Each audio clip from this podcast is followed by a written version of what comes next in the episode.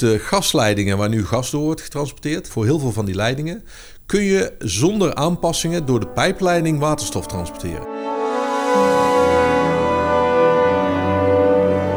Dit is aflevering 5 van het tweede seizoen van Wie Wat Waterstof. Mijn naam is Selwyn Frenzen en in deze podcast neem ik je mee op reis door de wereld van waterstof. In deze aflevering reis ik af naar Den Haag voor een bezoek aan TNO. Om precies te zijn aan energie-expert René Peters.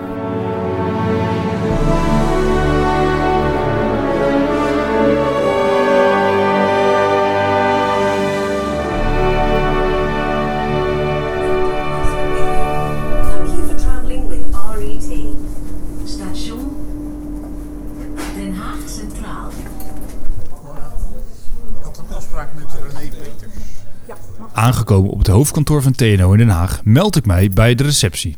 René is onderweg en ik wacht even in de lobby met een kop koffie. Hoi, sorry dat ik later ben. Wanneer René er is, gaan we samen naar de lift en zoeken we een plek waar we rustig kunnen spreken. Voor ik met René de diepte in ga, is het goed om te weten wat hij doet binnen TNO en wat TNO allemaal doet. Ik werk eh, binnen TNO aan eh, alle innovaties en technologie rondom gas. Dat was traditioneel vooral aardgas, eh, biogas, groen gas, vloeibaar aardgas. Maar dat wordt nu natuurlijk sinds de laatste vijf jaar vooral waterstof. Ja. Omdat waterstof natuurlijk een van de manieren is om heel veel toepassingen van aardgas te vervangen. Ja, Het kan over infrastructuur gaan, het kan over gebruik in de industrie gaan, eh gebruik naar, naar huishoudens eh, in theorie natuurlijk ook. Dus heel veel toepassingen nu op aardgas gaan, die zouden ook op waterstof kunnen. voor de beeldvorming, wat doet TNO in een als geheel precies? Ja, als geheel is TNO natuurlijk een, een innovatie-instituut. Dus wij werken aan eh, eh, kennisontwikkeling, maar vooral kennistoepassing. Ja. En onze doel is vooral om die kennis en die innovatie en die nieuwe technologie in de praktijk te implementeren. Dus dat betekent veel samenwerken met bedrijven om demonstraties te, te, te ontwikkelen, pilots te, te doen, om te laten zien dat die nieuwe technologie die ontwikkeld wordt, niet alleen natuurlijk binnen TNO, maar ook bij universiteiten, kennis, andere kennisinstituten, om die toepasbaar te maken. Ja. Dus wij zijn eigenlijk pas geslaagd als een technologie ook echt zijn toepassing heeft gevonden in de markt, in de praktijk. En niet als er een mooi onderzoeksresultaat is of een rapport of een Ja. patent. Het moet echt toegepast worden. Dus dat betekent dicht bij de markt, dicht bij de toepassing. Ja. ja, en jij houdt je dan bezig met eh, gas, voorheen aardgas en nu veel waterstof. Ja. Eh, waar ben jij bijvoorbeeld nu op dit moment heel druk mee? Ja, ik ben heel druk met eh, de, de transitie op, eh, op de Noordzee, waar dan vanuit de traditionele olie- en gaswinning nu veel meer gekeken wordt naar de nieuwe energie. En eh, nou, dat is natuurlijk wind eh, op zee vooral, maar eh, ook vooral de vraag hoe krijgen we al die energie in ons energiesysteem en, en op land. Daar worden nu natuurlijk heel veel kabels voor aangelegd Ja. en, en, en Tennet is daar heel actief mee. Maar in de toekomst zul je zien dat daar ook waterstof een rol speelt. Dus ik werk samen met heel veel bedrijven die op de Noordzee actief zijn om eh, te kijken wat de rol van waterstof kan zijn voor het transport van die, al die energie die uit wind komt. Dus met elektrolyse omzetten naar waterstof, bestaande of nieuwe leidingen gebruiken om waterstof te transporteren, aan te sluiten bij de industrieclusters van Nederland. Maar misschien ook doorvoeren naar eh, het achterland, denk ook aan Duitsland. Dus ik kijk ook naar de infrastructuur die nodig is om waterstof te transporteren eh, naar de gebruikers Ja. vanuit de, de, de producenten. Maar ook wel de import die eh, straks eh, nodig gaat zijn. Wind op zee. Dat is, zoals je weet, een zeer belangrijk punt voor waterstof. Recentelijk zijn er nieuwe kavels voor wind op zee vrijgekomen in het gebied Hollandse kust. René vertelt hier meer over. Wind op zee heeft natuurlijk een enorme vlucht genomen. De ambities worden opgeschroefd. Hè. Eh, oorspronkelijk zou in 2030 zo'n 10 gigawatt wind op zee hebben staan. Ja.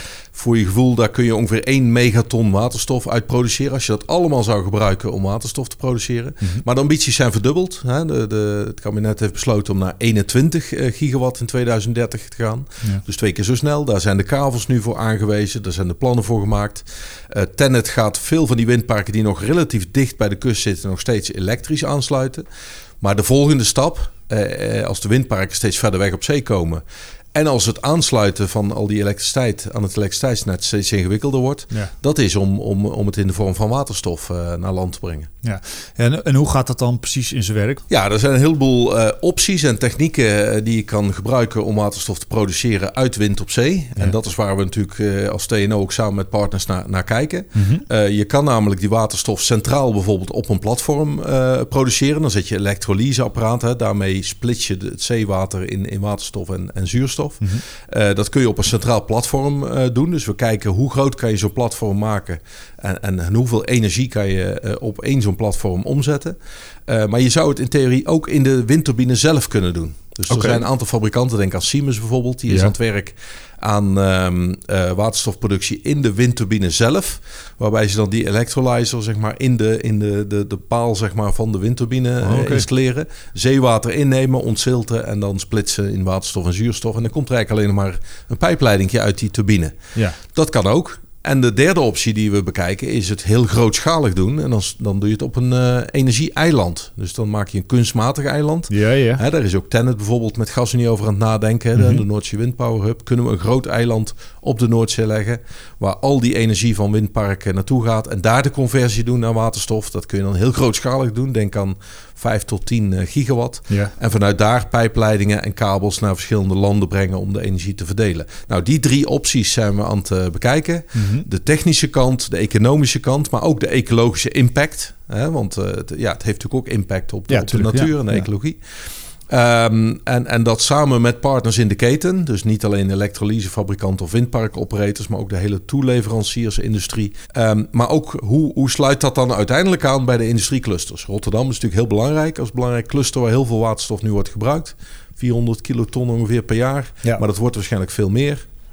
Maar ook Amsterdam, eh, Groningen en, en vergeet ook Zeeland niet, waar ook heel veel waterstof wordt, eh, wordt gebruikt. René noemt drie verschillende mogelijkheden om wind op zee te gebruiken voor de productie van waterstof.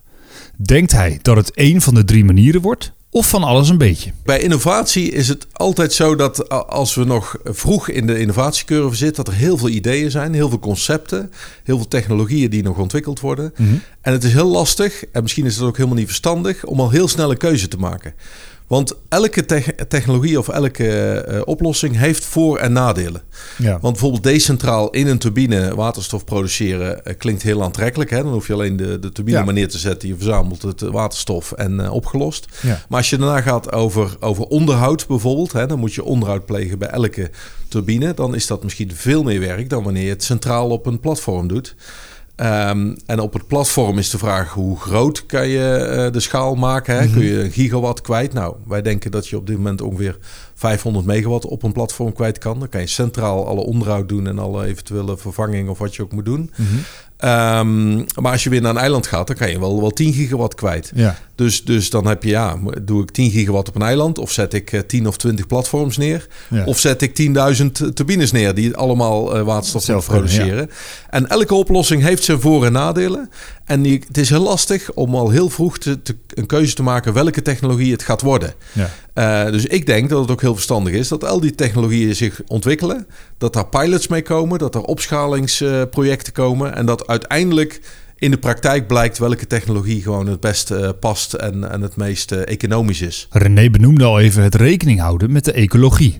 Hoe gebeurt dat straks op de nieuwe kavels? Ja, het mooie is dat dat nu al zelfs gebeurt. Bij de nieuwe kavel die eh, nu in een tender is uitgegeven, Hollandse Kust West. Ja. Daar is al een, een eis dat er ook aandacht is voor ecologie in een van de kavels. En in de andere kavel ook op systeemintegratie. Eh, dus bij ecologie eh, wordt er aan de tender eh, of aan de windparkontwikkelaar gevraagd van neem in je ontwerp zaken mee die ook positief uitwerken voor de ecologie. En dat is ecologie onder water, dus het zeeleven. Kan Ja. je natuurversterkende activiteiten in je windpark ontwikkelen. Ja. Maar ook boven water, dus vogeltrek. Kan je voorkomen dat er tijdens vogeltrek vogels door, door eh, windturbines worden, worden geraakt. Ehm, dus, eh, eh, maar ook bijvoorbeeld tijdens de installatie eh, kun je voorkomen dat door de geluidsontwikkeling van het eh, heien van de funderingen, Ja, ja. dat daardoor eh, eh, zeeleven wordt, eh, wordt beïnvloed. Dus geluidsschermen en innovatieve oplossingen om geluid te reduceren. Dus, dus in de tender zit dat nu al. En ik verwacht dat in de toekomstige tenders die eisen alleen maar strenger eh, gaan worden. Een van de nieuwe ontwikkelingen op het gebied van wind op zee zijn drijvende windmolens. Gaan we deze straks ook terugzien op onze Noordzee? Nou, voor Nederland is dat waarschijnlijk eh, niet nodig, omdat eh, de Nederlandse eh, zee is relatief ondiep. Het diepste is ongeveer 50 meter. Eh, en de molens die nu ontwikkeld worden, hè, 15 megawatt, er zijn zelfs al 20 megawatt molens in, in ontwerp. Mhm. Die kunnen in dat soort dieptes nog steeds fixed bottom heet dat, dus gewoon vast op de bodem worden geïnstalleerd. Ja. Eh, maar in andere delen van, eh, van de Noordzee, vooral eh, Schotland, en, Engeland en delen, Ierland, Mhm. daar is de zee een stuk dieper. Ook Noorwegen bijvoorbeeld is, gaat direct naar floating wind. Ja. Dus daar heb je gelijk drijvende windmolens. En daar is ook inderdaad een sterke ontwikkeling op, op gaande. Maar voor Nederland is dat waarschijnlijk niet, Niet niet nodig. nodig. Nee. En is het dan, blijven dit voorlopig de, de windparken waar we het mee gaan doen? Of gaan er misschien in de toekomst nog meer bij komen? Ik denk dat er nog meer versneld wordt. Dus de plannen nu zijn tot 21 gigawatt in 2030. De plannen van de overheid zijn om dat te versnellen naar 38 gigawatt in 2040. Die parken moeten nog worden aangewezen, maar de zoekgebieden zijn al wel bekend. En die liggen natuurlijk steeds verder weg op zee. Ja. Dus het wordt steeds ingewikkelder om die energie in land te krijgen. En uiteindelijk zouden we in 2050 zelfs wel 72 gigawatt windenergie kunnen produceren. Nou, dan begrijp je al gelijk dat al die energie niet als elektriciteit kan worden getransporteerd naar land. Zoveel elektriciteit hebben we helemaal niet nodig. Ook al neemt dat toe in de toekomst. We gaan meer elektrisch rijden, we gaan elektrisch verwarmen. Misschien gaat de industrie ook wel elektrificeren voor een deel. Maar eh, naast al die elektronen hebben we vooral ook schouder moleculen nodig. En, Ja. en dat is waarom het belang van waterstof, uit, geproduceerd uit wind op zee of eventueel floating solar, dat zou kunnen, dat wordt steeds belangrijker. Waterstof is dus één van de manieren om de windenergie aan land te halen. Ik vraag me af of er nog andere manieren zijn. Ja, nou het ligt eraan hoe ver je waterstof wilt transporteren. Dus als je het eh, vanuit de Noordzee eh, wilt transporteren, dan is transport per pijpleiding eigenlijk het meest efficiënt en het goedkoopst. Maar wil je waterstof over veel grotere afstanden importeren? Nou ja, denk aan import, hè, waar de haven van Rotterdam natuurlijk ook heel actief mee is. Dan heb je, eh, als de afstanden groter worden, wordt het aantrekkelijker en economischer om de waterstof op een andere manier te transporteren. Bijvoorbeeld gebonden, Ja. stikstof via ammoniak. Daar heeft natuurlijk in de Ja. vorige aflevering al Zeker, ja, alles ja. over gezegd. Ehm, eh, dus, dus dat kan vloeibaar waterstof zijn, kan ammoniak zijn, het kan een liquid carrier zijn. Mhm. Eh, dus dan bind je de waterstof om de energiedichtheid te verhogen voor het transport over grote afstanden. Ja. Maar als je het over Noordzee hebt, dan is pijpleidingtransport in gasvorm eigenlijk het meest eh, voor de hand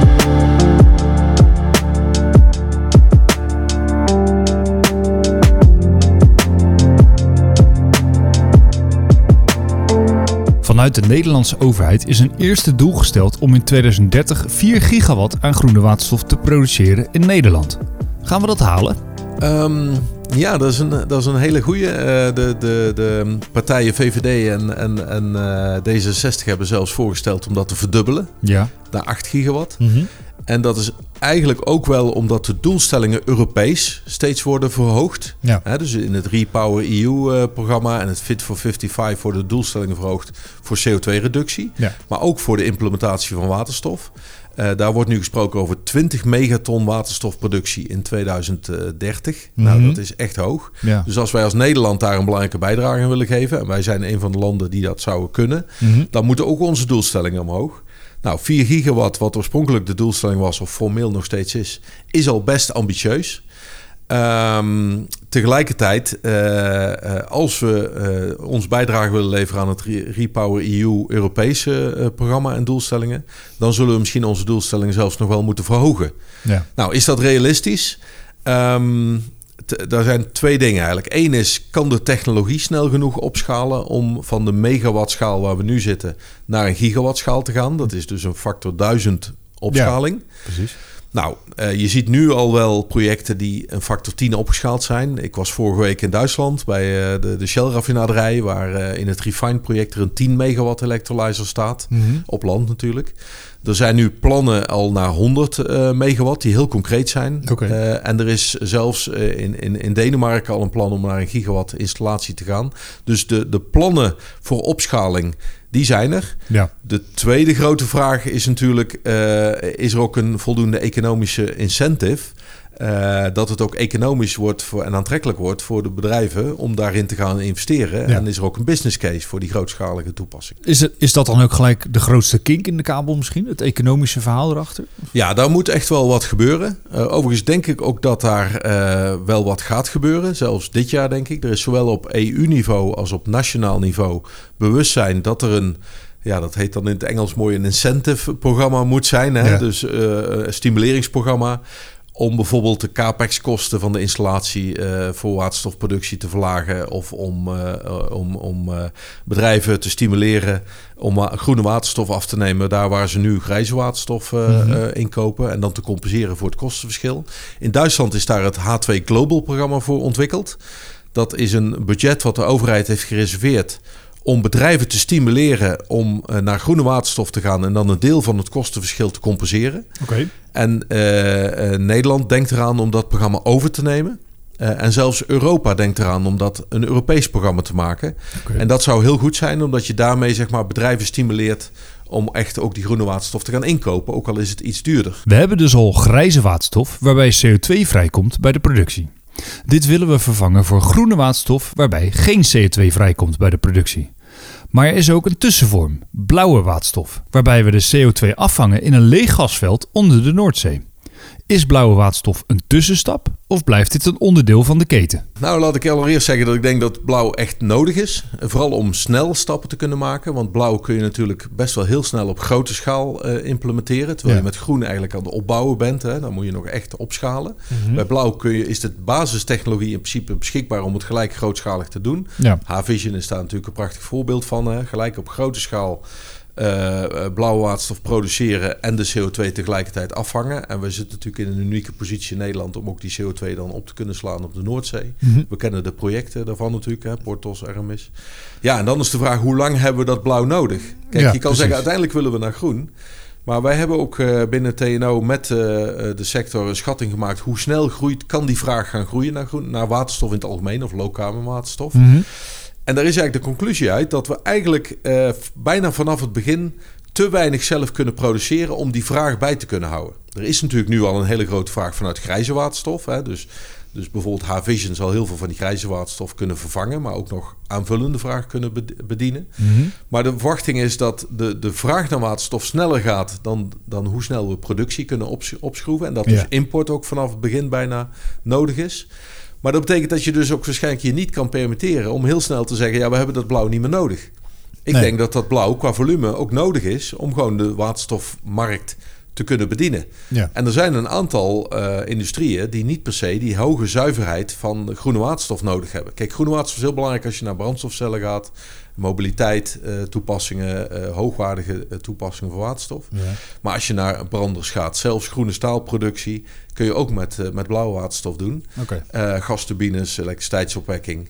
Dus er zijn heel veel toepassingen waar je niet per se die hele hoge zuiverheid van groene waterstof en dus die hele dure waterstof nodig hebt. En waar je met blauwe waterstof prima uit kunt. Dus ik denk dat ze allebei bestaan en dat ze ook heel lang naast elkaar zullen blijven bestaan. Ja. De CO2 die vrijkomt bij de productie van blauwe waterstof stoppen we dus in een leeg gasveld onder de Noordzee. Maar ja, die zitten ooit toch een keer vol. Wat doen we dan? Hij zit zeker op een gegeven moment vol. Maar het mooie is dat we heel veel van die gasvelden hebben in, eh, in Nederland. Op onze Noordzee. eh, Mhm. die natuurlijk bijna allemaal leeg geproduceerd zijn. Omdat we gewoon al 50 jaar gas winnen uit, de uit de Noordzee. Ehm, en eh, onze totale schatting is dat je rond de 1800 megaton eh, CO2 zou kunnen opslaan. In, als je alle velden beschikbaar hebt. Ja. Nou, je hebt natuurlijk niet alle velden beschikbaar. Maar we hebben het hier over, over eh, nou ja, het was eerst 7, het is nu 10 eh, megaton CO2 wat de overheid gesubsidieerd wil eh, opslaan in Nederland. Ja, daar is capaciteit voldoende om dat in verschillende velden op te slaan. Eh, eh, eh, het Portos-project is het, is het eerste project hè, waar vanuit eh, ehm, de bestaande overigens grijze waterstofproductie CO2 wordt afgevangen. Dus je zou kunnen zeggen, we ma- maken die, die, die waterstof eigenlijk al een beetje vanuit grijs blauw. Ja. Ehm, maar daarna komt het Armis-project, waar het niet gaat over één veld, maar waar het gaat over heel veel velden. Mhm. In een gebied op de Noordzee waar heel veel eh, lege velden zijn met heel veel capaciteit. Ja. Dus daar kunnen we echt tientallen jaren en, en misschien nog wel langer Mee doen. vooruit met opslag. Ja. En zelfs daarna eh, is er ook nog een optie om het of in, in aquifers, dat zijn eigenlijk waterdragende lagen, op te slaan. Dat Mhm. is wat ook in Noorwegen gebeurt, in het Sleipnerveld en bij Snøhvit. Eh, en als laatste optie is ook Noorwegen nog bereid om onze CO2 eventueel op te nemen, om het Ja. in Noorwegen op te slaan. Ja. Eh, CO2 opslaan in zo'n veld. Zitten daar nog gevaren aan vast? Of? Nou, er is natuurlijk al enorm veel onderzoek gedaan naar CO2-opslag in de ondergrond. Wij Ja. zijn als TNO ook zelf betrokken geweest bijvoorbeeld bij het monitoren van de opslag in, in eh, Noorwegen, in de Sleipnerveld. Mhm. We zijn ook betrokken geweest bij een pilot die op de Noordzee al is gedaan voor CO2-injectie. Dat is in de tijd was dat Gas de France, dus dat is nu Neptune Energy. Die in een van de velden op de Noordzee, K12B, een test hebben gedaan van het injecteren van CO2. En het monitoren hoe dat in het veld zeg maar, opgeslagen blijft. Mhm. Dus we hebben ondertussen behoorlijk wat kennis hoe die CO2 zich in de ondergrond gedraagt, hoe het zich verspreidt. Eh, en en hoe, de modellen, hoe goed de modellen zijn om dat te voorspellen. Ja. Eh, en de ervaring eh, die ook in Noorwegen is, waar ze nu al tien, meer dan 10 eh, jaar CO2 opslaan, is dat dat zeg maar, heel veilig kan worden opgeslagen.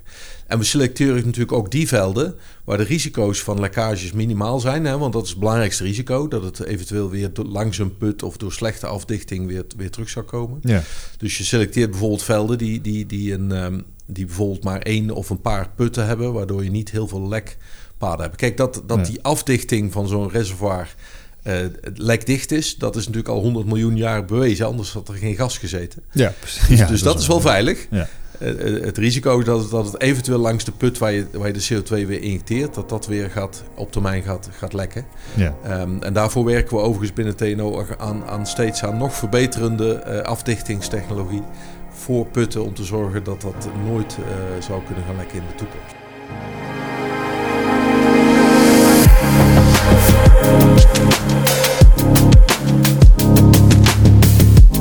Regelmatig gehoord argument is dat groene waterstof helemaal niet kan, omdat bij de plaatsing van bijvoorbeeld de windparken op zee of de bouw van de electrolyzers ook gewoon CO2 vrijkomt. Hoe zit dat precies? Ja, kijk, kijk bij alles wat je, wat je doet aan activiteit, zelfs bij, bij Portos, hè, waar we CO2 willen gaan opslaan, komt bij de installatie en de bouw eh, bijvoorbeeld stikstofoxide is vrij. Daarom ligt het nu ook nog bij de, bij de rechter. Hè. Maar kijk, alles wat je, wat je doet heeft natuurlijk ook een CO2-footprint. Maar het gaat uiteindelijk wat je over de, de levenscyclus aan effect eh, hebt. Dus als je grootschalig CO2 gaat opslaan, heeft dat natuurlijk over de hele levenscyclus een positief effect. Kijk, een windmolen moet je ook installeren. Je moet de staal maken. Dat, dat, Ja. dat levert ook CO2-uitstoot. Je moet het installeren en, en, en er is ook onderhoud. Maar dat, dat die CO2-footprint die je daarmee hebt, die, die win je als het ware in, in... Ik dacht dat bij windturbines iets van een half jaar is. Win je dat weer terug door de duurzame energie die je opwekt en daarmee de CO2 uitspaart. Dus je moet... Ja, dat heet dan levenscyclusanalyses doen van Ja. de totale uitstoot en de totale impact op milieu die zo'n ontwikkeling eh, heeft. Er staat dus een hoop in het vooruitzicht op het gebied van waterstofproductie. Maar hoe zit het met de infrastructuur? Wat moet hier nog allemaal gebeuren om over te kunnen stappen naar waterstof? Ja, daar moet nog heel veel gebeuren. En, en opvallend genoeg eigenlijk niet zozeer aan de buizen zelf.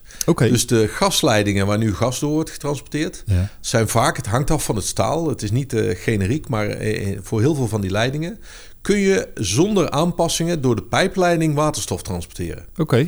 Dat geldt zowel voor de leidingen eh, van GasUnie bijvoorbeeld op land. Dus die zijn ook van plan om een deel van het gasnet om te bouwen naar waterstofnet. Ja. En het geldt voor een deel ook voor de gasleidingen op de Noordzee. Oké. Dus het type staal wat daar is gebruikt is geschikt om eh, waar het nu gas transporteert in de toekomst ook waterstof te transporteren. Ehm, wat, wat wel veranderd, veranderd moet worden, dat zijn bijvoorbeeld eh, de, de kleppen, de regelaars, eh, de flowmeters, eh, de compressoren, de afdichtingen. Dus eigenlijk alles wat, wat, wat niet de leiding zelf is, maar voor eh, de leiding en na de leiding zit. Ja. Daar moet je zorgvuldig naar kijken, omdat waterstof is natuurlijk het kleinste element wat we hebben. Dat gaat overal doorheen. Dus je moet echt wel je afdichtingen die je eigenlijk voor aardgas hebben, die moeten vervangen worden om ze voor waterstof eh, geschikt te maken. Want dat hoor je inderdaad ook regelmatig. Dus ja, we moeten hele nieuwe leidingen gaan bouwen. Maar dat hoeft dus Ja. eigenlijk helemaal Nee, niet. nou kijk, voor een deel moeten we dat misschien wel, omdat de leiding er gewoon niet ligt. Hè? Dus de leidingen die, Ja. die we hebben liggen niet altijd op de goede plek. Eh, of zijn nog niet beschikbaar voor waterstoftransport, omdat er nog gas voor wordt getransporteerd. Dus waar je nog gaswinning hebt, Mhm. Ja. ja, kun je niet tegelijk ook waterstof transporteren. Ehm, dus voor een deel moeten, moeten er misschien kleine stukken worden vernieuwd. Maar wij zijn als Nederland als eerste in de gelegenheid om onze bestaande gasinfrastructuur om te bouwen voor deel naar waterstof. Terwijl andere landen, denk aan Duitsland, Spanje, Frankrijk, die zijn nog helemaal in de ontwikkeling Ja. eh, om, om gastransport eh, te ontwikkelen. De industrie gebruikt dus al veel waterstof en wil dus zo snel mogelijk over naar groene waterstof voor hun gebruik. Maar waar gaan we waterstof nog meer gebruiken in de toekomst? Ja, dat is wel eh, interessant. Op dit moment wordt waterstof natuurlijk vooral gebruikt voor de raffinaderijen en voor de chemie. Mhm. Hè, dus eh, kunstmestproductie, eh, ammoniak, Ja. kraken, dat soort zaken. Maar in de toekomst komen er heel nieuwe toepassingen. En een van de belangrijke die wellicht ook heel veel waterstof gaat vragen waarschijnlijk, dat is de staalindustrie. Dus we kennen het voorbeeld van Tata Steel natuurlijk. Hè? Die, die willen van kolen naar, eh, naar waterstof toe. Het liefst ook groene waterstof eh, uiteindelijk. En dan kun je groene staal maken. Eh TNO is overigens ook betrokken bij een aantal van dit soort projecten al in het buitenland. Dus bijvoorbeeld in, in Oostenrijk, Alpine, daar staat al een 6 megawatt waterstof, eh, groene waterstoffabriek voor groene staalproductie. En ook in Zweden, hè, de SSHB, het hybridproject, zijn we bij betrokken om daar groene staal te produceren. En dat lijkt een hele aantrekkelijke manier om zeg maar, de staalindustrie minder CO2 te laten uitstoten. Ook in, in, in België, ArcelorMittal is er aan het kijken, ThyssenKrupp in, in Duitsland. Dat wordt een hele grote vrager van groene waterstof uiteindelijk, omdat er gewoon heel veel energie nodig is. Maar we kunnen natuurlijk ook zwaar transport bijvoorbeeld als eh, een toekomstig waterstofgebruiker eh, zien. Hè? Vrachtvervoer, scheepvaart misschien, eh, luchtvaart, maar dan indirect. Hè? Misschien niet direct op waterstof, zou overigens wel kunnen. Maar ook in de vorm van synthetische brandstoffen die op basis van groene waterstof en, en CO2 worden Ja. geproduceerd. Als je de volumes bekijkt die daar nodig zijn, ja, die zijn gigantisch. Dus nou zal dat wat langer weg zijn. En eh, er kan ook best een rol zijn voor huishoudens, dus voor verwarming. Maar dan vooral in, in binnensteden bijvoorbeeld waar, eh, waar warmtepompen of elektrische oplossingen of warmtenetten niet eh, beschikbaar zijn. Daar zou waterstof ook een rol kunnen spelen voor, eh, voor verwarming in huishoudens. Maar Ja. dat zal relatief qua volume toch wel een klein aandeel zijn. beantwoord je eigenlijk al een- deel van mijn laatste vraag. Want dat was inderdaad, ja, gaan we het dadelijk ook in huis gebruiken? Nou ja, kijk, ik denk in, in nieuwbouwhuizen niet. Mhm. Omdat eh, nieuwbouwhuizen die kun je natuurlijk zo goed isoleren en die kun je zo goed qua, qua warmtevoorziening ontwerpen dat daar eh, warmtepompen eh, gewoon een perfecte manier zijn om huizen te verwarmen. Ja. Eh, het probleem met de, verwarming bij huizen is vooral in de, in de oude wijken, slecht geïsoleerde huizen met een heel grote warmtevraag. Wat nu natuurlijk met gas wordt, wordt opgelost. En daar is mogelijk hybride warmtepompen een goede oplossing. Hè? Dus waar je elektrisch verwarmt als het kan, als er relatief weinig vraag is, maar ook gas. En dat kan groen gas zijn, dat kan ook waterstof zijn. eh, gebruikt in de winter als je echt een hele hoge eh, warmtevraag hebt. Ja. Ehm, en eh, in sommige landen in Europa is dat al veel verder. Zijn ze daar veel verder mee. Bijvoorbeeld ook met het bijmengen van waterstof in, Ja. in gasnetten. Italië kijkt er heel serieus naar. Engeland kijkt ernaar. Ook in Duitsland wordt dat als een optie gezien. Mhm. En dan moet je denken aan 20% bijmenging van waterstof in het gasnet. om ook de huishoudens zeg maar, ja, te, te verduurzamen, te, vergroenen. Ja. In Nederland is dat best ingewikkeld, omdat wij een gasnet hebben wat een hele nauwe specificatie heeft. Omdat wij altijd Groningen gas kregen en dat was altijd hetzelfde. Ja. Dus wij, wij zijn niet zo flexibel met onze ketels om, om, om een veranderend type gas eh, aan te kunnen. Oké. Maar ehm, ja, ik verwacht in de toekomst dat er best wel een rol voor, voor waterstof is. Maar dan wel in hele specifieke eh, wijken en, en locaties waar gewoon Ja. warmtenetten of warmtepompen gewoon niet, niet in te passen zijn. Ik sluit het gesprek met René af met een vraag die ik voor veel van mijn gasten heb. Hoe ziet hij de haven van de toekomst? Ja, ik, ik denk als ik het op Rotterdam eh, zou eh, enten, dat hier gewoon een geweldige kans ligt voor, voor Rotterdam. Want Rotterdam was niet alleen heel lang een van de grootste havens, hè, nog Ja. steeds van Noordwest-Europa, denk ik, maar ehm, ook een hele belangrijke energiehaven. Het was altijd een belangrijke import- en doorvoerhaven voor energieproducten.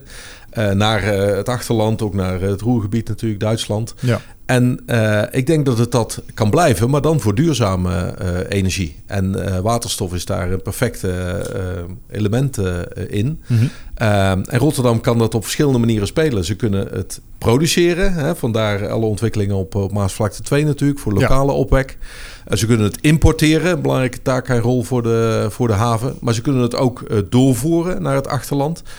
En er is natuurlijk een heel sterk industriecluster in Rotterdam zelf, wat heel veel waterstof zal kunnen inzetten om zijn eigen CO2-reductiedoelstellingen te halen. Ja. Dus Eh, en, en dan is, is Rotterdam natuurlijk ook nog eens een belangrijke bunkerhaven voor de scheepvaart eh, verder eh, naar het achterland, waar in de toekomst ook waterstof of waterstof afgeleide producten een belangrijke rol kunnen spelen. Ja. Dus ja, eigenlijk zie je eh, een haven als Rotterdam kan op al die aspecten waar waterstof een rol speelt een, een belangrijke functie eh, vervullen.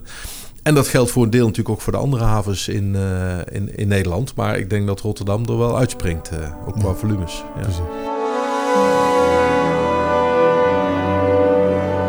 Dit was aflevering 5 uit seizoen 2 van Wie Wat Waterstof. De podcast waarin jij alles te weten komt over waterstof. Mijn dank gaat uit naar René Peters voor zijn tijd en expertise. Wil je nog meer weten over waterstof en deze podcast? Neem dan een kijkje op onze website porterofrotterdam.com slash wiewatwaterstof. Vergeet geen rating achter te laten op de podcast en je te abonneren. In de volgende aflevering van Wie Wat Waterstof. We willen eigenlijk een, schip hebben waarbij al die nieuwe energiebronnen aan boord staan. En waarbij studenten kennis maken met alle mogelijkheden van voortstuwingstechniek en voortstuwingsbronnen die er zijn. En daar past dus dat verhaal van waterstof bij.